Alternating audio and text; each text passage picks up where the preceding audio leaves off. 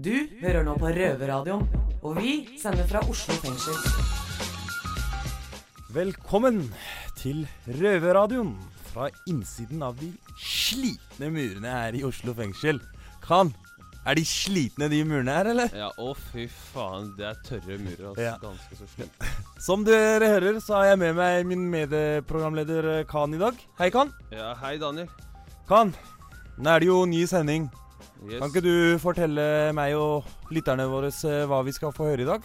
Jo, det kan jeg. I dag skal vi høre fra ordfører Fabian Stang, som Benjamin har snakket litt med.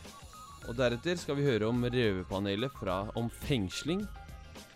Og så skal vi høre fra Jussbuss om to tredjedel.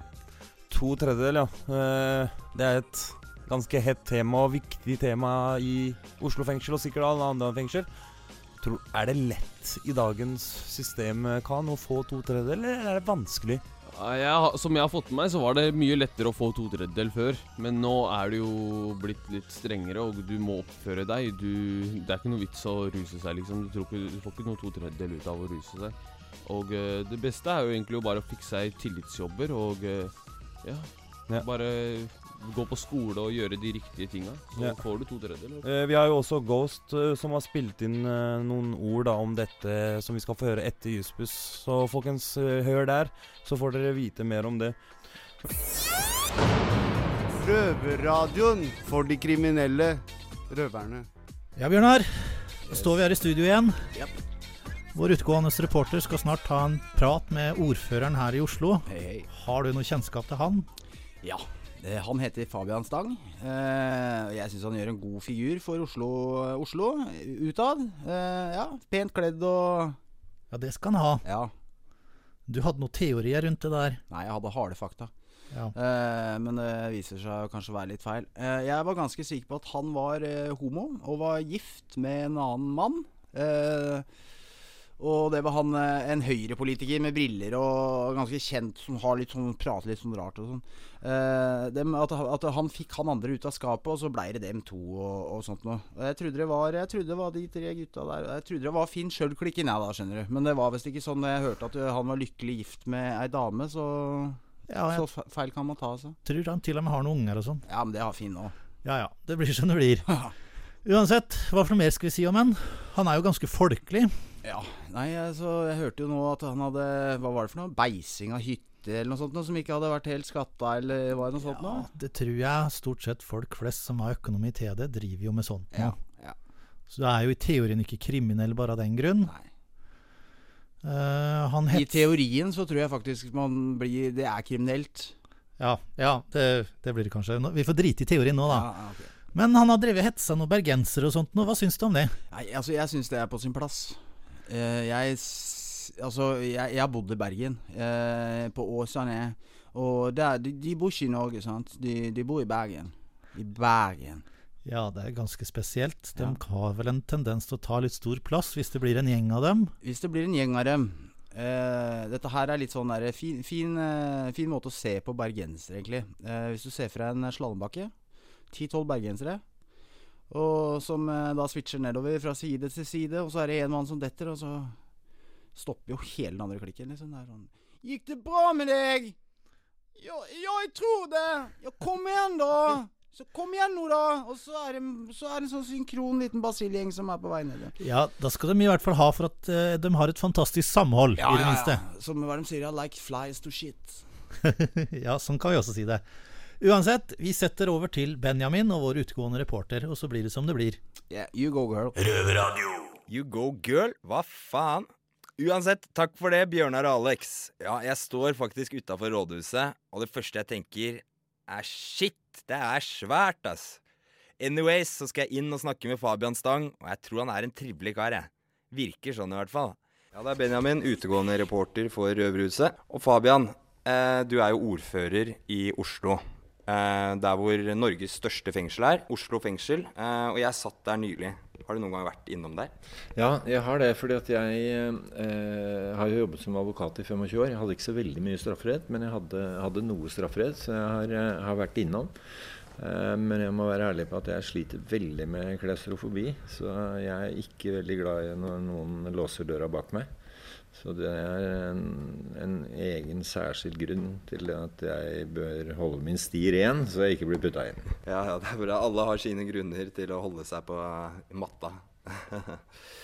Eh, eh, jeg lurer på eh, hvilket inntrykk fikk du når du var der? Jeg tror nok mange som, som tenker på et fengsel, glemmer eh, at det er et sted hvor man også lever. Eh, det er jo et sted hvor eh, dagene går, hvor man skal ha en aktivitet på formiddagen. Hvor det er veldig mange ansatte som har ulike oppgaver eh, for å ivareta ta det, det livet man skal ha der. Så jeg var ganske imponert over eh, det samspillet som jeg opplevde mellom eh, innsatte og, og de som jobbet der. Fordi vi, vi tenker jo sånn B-gjengen fengsel med noe, noe gitter, og der er man. Men eh, det er jo ikke sånn det foregår. Så jeg lærte mye av det. Eh, men hva er dine tanker eh, rundt bruk av fengselet som straff? Det syns jeg er veldig vanskelig. fordi at eh, jeg vet jo da at det heter både individualpreventive og allmennpreventive hensyn og alt det der som vi eh, lærte på, på jussen i forhold til fengsel. Men eh, jeg skulle jo veldig ønske at vi hadde en annen form for reaksjon mot kriminalitet som virket bedre enn det vi ser fengsel eh, gjør. Eh, men på den annen side så er det jo sånn at eh, eh, de som ikke gjør noe gærent, eh, jo vil bli veldig eh, sinte hvis ikke det skjer noe når noen gjør noe gærent. Så foreløpig er jo fengsel det virkemidlet vi har, men, men jeg håper jo da at det skjer på en sånn måte at det er størst mulighet Nei, størst mulig grad av eh, klargjøring for samfunnet igjen i, mens man sitter inne, fremfor bare å, å tilfredsstille eh, storsamfunnets eh, behov for hevn, eller hva vi skal kalle det. Men eh, mange som sitter inne, sliter bl.a. med angst, og depresjoner. Og det er noe du har vært ganske åpen om og ærlig om eh, ut til resten av samfunnet. Har du noen tips eller råd til de som sitter inne og sliter med akkurat det? Ja, du vet, Jeg er jo bare en enkel jurist, så jeg skal være veldig forsiktig med det. Men uh, det er jo mange som sliter med angst og depresjon som, uh, som ikke sitter inne også. Det er jo, uh, det er jo blitt en, en, utvikling i samfunnet hvor man skal være så utrolig vellykket. Som, som, på en måte sliter litt på oss når vi ikke er det. Ingen er jo vellykket hele tiden. Eh, så jeg pleier å si det at gjør så godt du kan. Eh, og så lenge du vet at du har gjort så godt du kan, så er det bra nok. Altså Vi mennesker klarer ikke mer enn det beste vi kan. Eh, og, og har vi levert det, så, så, må vi senke skuldrene og så si at vet du hva, jeg, det er det jeg klarer. Og det får holde, og det holder. Ja, Fabian. Jeg er Oslo-gutt, og jeg elsker Oslo. Det er bra. Og jeg trives jo tydeligvis ganske godt inn i Oslo fengsel, siden jeg har vært der et par ganger nå. Men hva med deg? Eh, har du noe favorittsted i byen, eller Fabian? Ja, det hadde jeg vel eh, før jeg ble ordfører. Da var det sånn eh, Man går jo liksom i nærområdet. Jeg bodde på Frogner, eller eh, på Skøyen, så det var liksom Frognerparken, Frognerbadet, Colosseum kino. Litt sånn snevert. Eh, men nå etter at jeg da har fått lov til å ha denne jobben, så har jeg jo vært eh, mye over hele byen. Det er masse bra her. Ja, det er jeg helt enig i. Det er en flott by vi bor i her. Men ungdommer i Oslo har fort en tendens til å henge både her og der. Det vet jeg litt av egne erfaringer også. Og det tenker jeg er et problem her i Oslo. Uh, det er at mange ikke har så særlig å ta seg til. Og ungdomsklubber blir lagt ned. Uh, aktivitetstilbud. Og jeg syns i hvert fall preventivt arbeid da, er noe av det viktigste vi har. Og ja, viktig å bygge et trygt samfunn da, for ungdommen vår. Ja, det, vi, det, vi, ser, er jo at uh, skolen er det viktigste. ikke sant? Hvis du, hvis du, trives på skolen, hvis du får det til, uh, hvis du kjenner på at du selv blir sett for oppfølging, enten du er for god eller for dårlig, hadde jeg nær sagt, men, men, blir sett på det nivået du er, får passe utfordringer og strekker deg, uh, så har du det som regel bra. Du, du er jo fra beste vestkant. og tror du dette har gitt deg noen fordeler, eller eventuelt ulemper i livet, liksom? Beste vestkant. Altså, jeg bodde en stund på Drammensveien. eh, ved Skillebekk. Og jeg snakket om det her forleden dag. Hva var det vi drev med den gangen? ikke sant? Jeg var jo eh, var dropout. Eh, Syntes det var lidelig kjedelig å gå på skolen. Vi surra jo rundt nedi der. Noen kamerater drev med eh, Lynol. Eh, sniffa Lynol. Eh, lå liksom litt sånn borderline og ikke prøvde det. Jeg tok isteden og hang etter trikken med Bekkstadstøvler med jern under. Satt oppi skiboksen på bussen, trolleybussen husker jeg, fra Skillebekk og helt opp til ja, jeg opp til Kjelsås eller noe sånt. jeg. Eh, så vi var liksom eh, Beste vestkant, ja. Jo, jo. Eh, den var rampete, den òg. Eh, men det var det å stoppe mens leken var god. Eh, og det var jo, var jo tilfeldigheter. ikke sant? Jeg husker, husker en kar som, som var på riktig side uh, som mange av oss. Og så møtte han en jente som, som da drev med den uh, fæle kluten. Så ble han med inn i det. og han er begravd for lenge, lenge siden. Så, så det er det å stoppe før man går over den stygge streken. Ja. Og for å eh, også I London så har de gjort et eh, Prøver å få, få til et prosjekt for å unngå gettoer. Det er noe med at det skal være kommunale boliger i alle områder av London. Kan det være noe for Oslo? Eller klikker det for fiffen når flyktninger fra Syria flytter inn med alle luktene sine og den rare religionen sin? Det er et bra spørsmål. Ja, det kan være noe for Oslo. Vi jobber med det. Så det vi har sagt, er at nå skal det være slutt på at eh, hele oppganger eh, består av folk som sliter. Eh, så min eh, ideelle, i min ideelle verden så har vi 20 leiligheter i en gård, og da har vi én eller to leiligheter med folk som sliter, sånn at de 18 andre eh, kan være til nytte for de som har det vanskelig. Eh, så det vi har gjort nå, er at vi, vi kjøpte faktisk Jeg husker ikke hvor mange tusen leiligheter det var jeg, i en eh, bolk fra, fra Obos for å ha til kommunale boliger. Så ligger vi i tillegg og kjøper på vestkanten eh, mange steder. Og så selger vi en del av de vi f.eks. har på Sagene, hvor det har vært veldig høy konsentrasjon. Eh, for du blir ikke du kommer ikke av kjøret eller du kommer ikke av eh, kriminaliteten hvis alle naboene sliter like mye som deg. Og så er det jo sånn at når man bor utafor Ring 3, avhengig av vest eller øst, så da er du på landet, liksom. Hvordan tror du man kan in integrere disse folka til å bli ordentlige Oslo-folk? Nei, det, Vi får aldri alle til å bli ordentlige Oslo-folk. Hvis vi med det mener at vi skal bli like gærne som bergenserne. ikke sant? De står jo og gir vakt bare du setter på min nystemte på radioen, eller um, ser en buekorpskar uh, rusle rundt. Uh, så det får vi aldri til i Oslo. Men uh, vi har, ser mer og mer Oslo-identitet, altså stolthet over byen. Ikke minst i den forstand at når noen snakker stygt om oss, så er vi blitt mye flinkere til å si at nei, vet du hva, det er ganske bra her. Det var to jenter som, eh, som la ut en utstilling nå med bilder fra byen som het 'Stakkars oss'.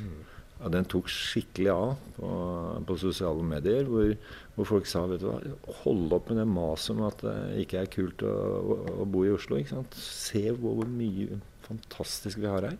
Så det er, det er en sånn identitet på, på, vei opp, en stolthet i hvert fall. Jeg syns vi er heldige som eh, får bo i Oslo, samme om vi sitter inne eller er ute. Så lurer jeg på, har du en ønskelåt eh, som vi kan spille på radioen? Um, uh, så skal vi se, hva fins det av fengselssanger, da? Um, uh, det må vel da bli Johnny Cash, uh, San Quentin. Folsom Prison Blues?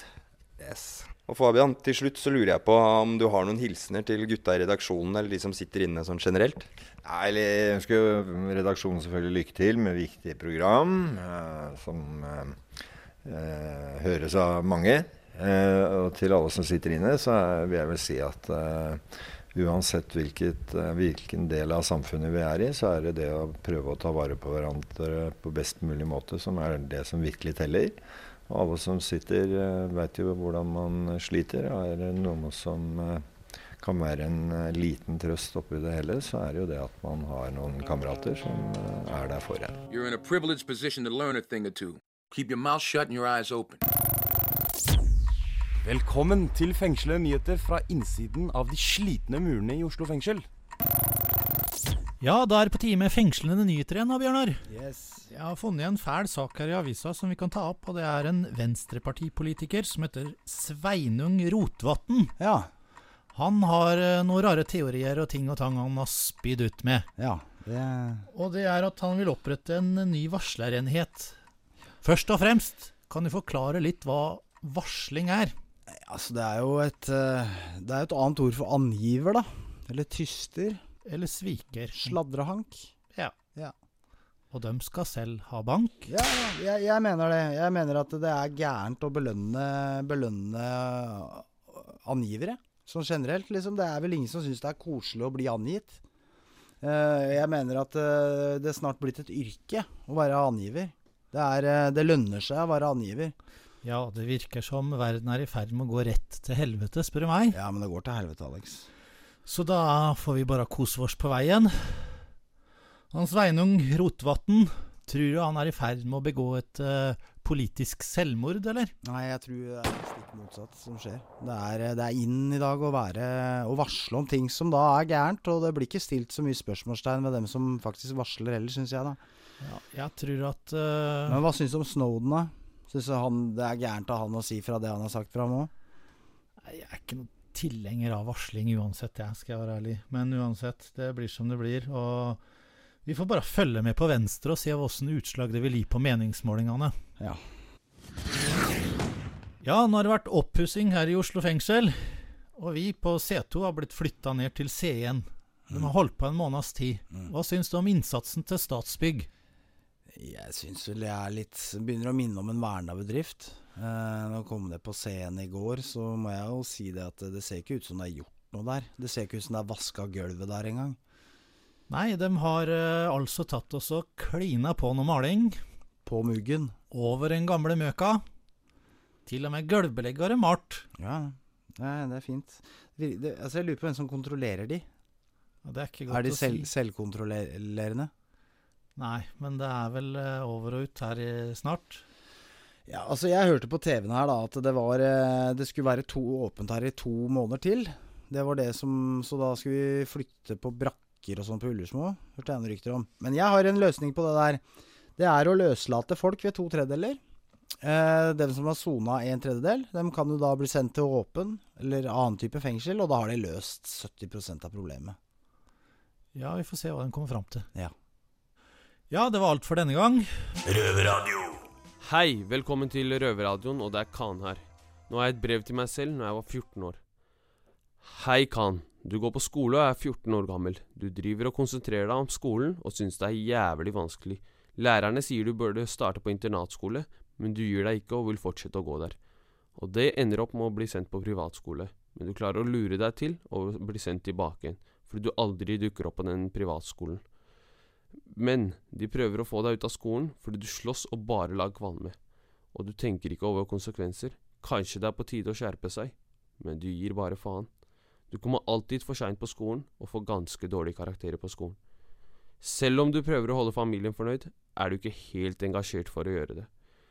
Det hadde kanskje vært bedre å slutte på den skolen du gikk på, siden det var så mange som du var med, og bare barndomskompiser som var akkurat som deg. Du begynte å feste ganske tidlig på ungdomsskolen. Du var opptatt av å være med gutta og slappe av. Barnevernet prøver å sende deg langt ut av Oslo, men du nekter og sier du skal skjerpe deg. Du havner på tiltalebenken første gang når du er 15 år, og de prøver å dømme deg til fengselsstraff, noe som gjør deg til å bare gi mer faen. Politiet var på skinka di, og du tenkte bare de gjorde det for å ødelegge for deg, noe de faktisk gjorde fordi barnevernet var en gjeng med fitter som gikk til snuten, istedenfor å gjøre jobben sin.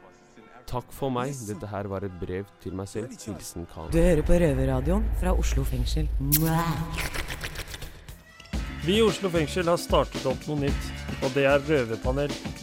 Røverpanelet går ut på er at vi tar opp forskjellige temaer fra gang til gang.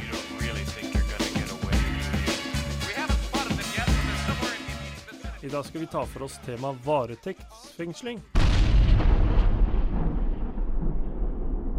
Jeg har med meg den godeste Daniel, som er fast medlem i panelet, og i dag har jeg også fått med meg medarbeider Khan. Daniel, kan du fortelle første gang du ble varetektsfengslet, hvor og hvorfor? Jo, Osman. Første gang jeg ble varetektsfengslet, Ja, Det er en lang historie, men vi kan gjøre den kort. Eh, Jeg ble pågrepet for eh, en handling eh, hvor jeg ble satt i glattcella. Men jeg ble løslatt av politiet pga. det ikke var fengselsplasser. Så de kjørte ikke noe fengslingsmøte. Eh, Det gikk noen måneder. Eh, Jeg fikk innkalling til hovedforhandling. Men en uke før hovedforhandlingen så ble jeg pågrepet for en ny sak.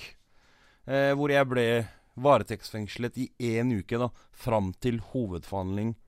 Eh, og etter hovedforhandlinga så førte de meg over på dom, da. Riktig. Men hvilke grunner er det politiet kan ha for å varetektsfengsle deg etter et avhør? Denne gangen så ble jo jeg varetektsfengslet i én uke fram til hovedforhandling. Da ble jeg varetektsfengslet eh, etter en bestemmelse som er eh, bevis... Eh, bevis, da. Bevis, jeg kaller det bevisforstyrrelse. Jeg vet ikke det riktige ordet for det. Det vil si at de ville holde meg den uken fram til hovedforhandling, så jeg ikke skulle få gitt ut beskjeder, den slags ting. da.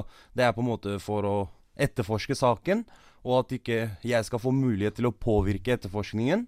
Eh, de har en ting til som heter gjentagelsefare, hvor eh, du gjør hyppig kriminalitet. Politiet mener at mest sannsynligvis hvis de løslater deg, så vil du begå nye straffbare handlinger. Så det er på en måte for å verne samfunnet fra deg, da.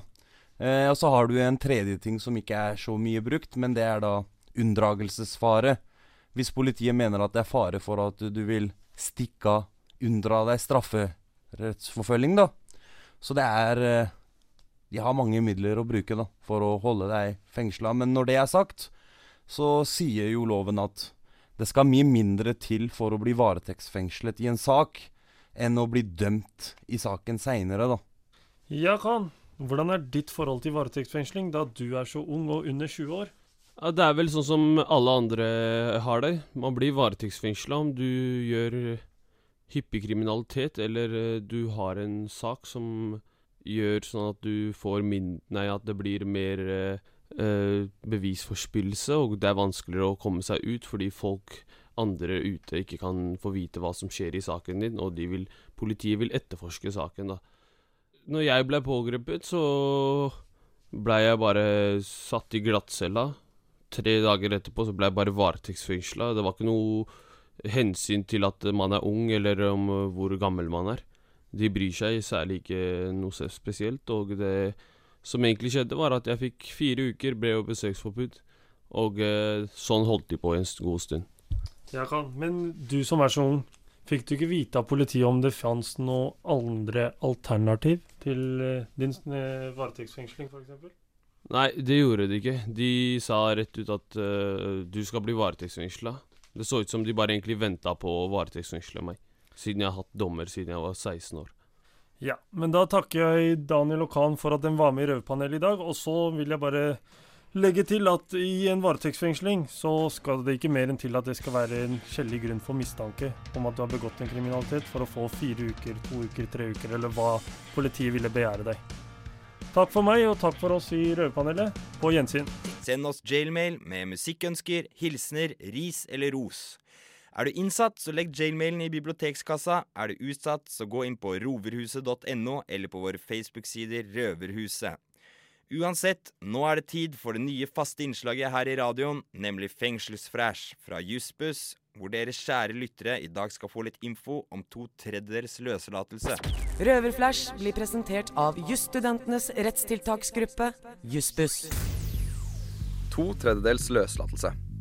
Visste du at du kan bli løslatt på prøve når to tredjedeler av straffen er gjennomført dersom du soner en dom på 74 dager eller mer? Det foretas en helhetsvurdering i hvert enkelt tilfelle. Det legges vekt på de samme momentene som ved løslatelse mellom halvtid og to tredjedels tid, men det skal mindre til for å få innvilget løslatelse når du har oppnådd to tredjedels tid. Det er relevant om du har hatt en positiv utvikling, om du eksempelvis har gått på skole, jobbet, tatt kurs eller har vært ganggutt. Helse- og familieforhold kan også ha betydning. Dersom du har hatt reaksjoner, positive prøver, eller det er grunn til å anta at du vil begå nye straffbare handlinger i prøvetiden, kan det føre til at fengselet avslår søknaden din. Dersom du ikke får innvilget prøveløslatelse eller to tredjedels tid, skal løslatelsesspørsmålet vurderes fortløpende.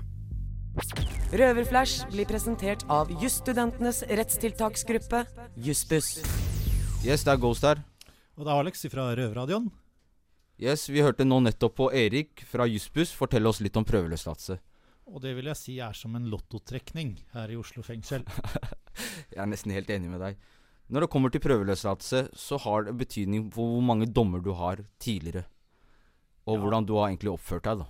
Oppførsel har også veldig mye å si, og om du har hatt noen positive rusprøver og sånt nå, da. Ja. Så det er mye mer som skal til for å få en prøveløslatelse. Men til, til dere der ute, prøv å tilskaffe dere en tillitsjobber. Og egentlig bare forhold dere til det betjenten egentlig sier. Og sats på flaks. Helt riktig, Alex. Så går det nok bra. det gjør det. Det var alt det vi hadde om det. Så takk skal du ha, Erik. Ja, kan. Da var det over for denne gang. Yes, det var det, Daniel. Neste uke så skal vi høre noe fra Sissel Wold, utenriksreporter fra Midtøsten. Du pratet med henne. Hvordan var det? Jo, eh, jeg syns eh, Sissel Wold er en eh, fantastisk dame. Ikke minst en veldig blid dame. Jeg var så heldig å få møte henne to ganger. En gang på Litteraturhuset ute i Oslo by. Og en gang hvor hun kom og besøkte oss her inne i Røverradioen. Så det setter jeg utrolig stor pris på. Ja, jeg syns hun var ganske hyggelig selv, jeg. Men eh, Og så skal vi ha røverpanel om rettssak. Hovedforhandling, altså. Det er bare å følge med, folkens, om dere skal i retten snart. Ja, det er jo veldig positivt for de som kanskje aldri har vært i en rettssak. Så Ja. vet de kanskje litt hva de kan forvente seg. Eh, og så skal vi høre mer fra Jussbuss eh, i noe som vi kaller Røverflash. Eh, det er da hvor Ju- Jussbuss forteller oss litt om rettighetene våre mens vi er innsatte. Eh, altså, folkens, fortsett å sende oss eh, jailmail. Eh, da går du inn på røverhuset.no, eller så tar du kontakt på våre Facebook-sider med bl.a. Eh, musikkønsker, forslag på innslag. Eh, men kan, eh, jeg tenkte jeg skulle ta en prat med Wolli. Eh, nå skal jo vår kjære bror Osman snart reise, så vi får sagt noen ord til han. Yes, det er bare å kjøre på, gutta. Ja, eh, Wolli, nå er jo Osman inne på pauserommet, så jeg tenkte Han er jo en kjernekar, og han fortjener å Eller han fortjener å høre noen fine ord om seg selv. Så kan jeg tenkte jeg vi kunne lage en liten overraskelse til han da. Kan ikke du kort summere for oss når og hvor du ble kjent med Osman, og hva du syns om Osman som person? Ja, første gang jeg traff Osman det var da jeg kom til avdeling C2. Og da tenkte jeg Jeg tenkte ikke så mye. han verkade, han var veldig imøtegående og snill. Men sen desto mer du lærer kjenne han så merker du att det är inte många människor på den här planeten som har så gott hjärta och så är så omtänksam som Osman. Mm. För han ger ju allt och förväntar sig ingenting tillbaka utan någon. Mm. Nei, jeg og Osman er jo da fra samme land. Eh, vi kjenner hverandre ikke fra før av, men vi har felles bekjente. Eh, vi ble jo kjent eh, mest gjennom Radio Røverhuset, og jeg satt på seter og han C2. Og Osman eh, har ikke noe vondt å si om eh, gutten. Han er jo, det er jo en grunn til at vi kaller han Stjerna. Mm. Kjernekar, og det er utrolig leit at han må sitte inne i fengsel med sykdommen. Hva syns du vel om Osman og sykdommen hans? Altså, Osman, hadde jeg haft den sjukdomen så hadde jeg aldri kunnet ta det så bra som Osman. Osman er den første du ser på morgenen når du går ut på avdelningen med stort leende på leppene, Mm. som kødder med deg. Altså, Osman är, utav 10 möjliga, 10 av 10, så är Osman kanske 220 Mm. utav 10 möjliga. Du har et poeng der. Altså, jeg føler selv ikke jeg har møtt noen så greie personer. Og Osman skal vite, og jeg tror vi snakker for begge meg og deg når jeg sier at hadde det vært mulig, så hadde vi begge tatt over straffen til Osman og heller sona den og latt han være ute. Ja, jeg hadde kunnet sona hele hans straff Ja. på fulltid uten att jag hadde haft noen uh, baktanke om det. Så nei. Nei, Osman, det blir uh, trist å miste deg, men uh, du Det- kommer jo til et bedre sted. Er du ikke enig, Willy? Altså, det blir trist å miste han men samtidig så blir man jævlig glad for, for Osman. Ja. For han fortjener jo å gå ut. Ja. Nei, Osman, da ønsker jeg deg lykke til videre dit du skal, og jeg håper det ordner seg med sykdommen, og du skal vite at vi alltid er her for deg, og kommer alltid til å stille opp for deg. Och Jag kommer att jaga dig när jag kommer ut på två tredjedelar. Så du kan inte gömma dig, jag hittar dig! Ok, Osman. På gjensyn. godt. Ungen är till dig Osman. Tusen takk for i dag. Du har hørt på Røverradioen. Vi er tilbake neste fredag klokka seks her på Radio Nova. Og på innsiden av fengselet er det selvfølgelig ny sending hver helg.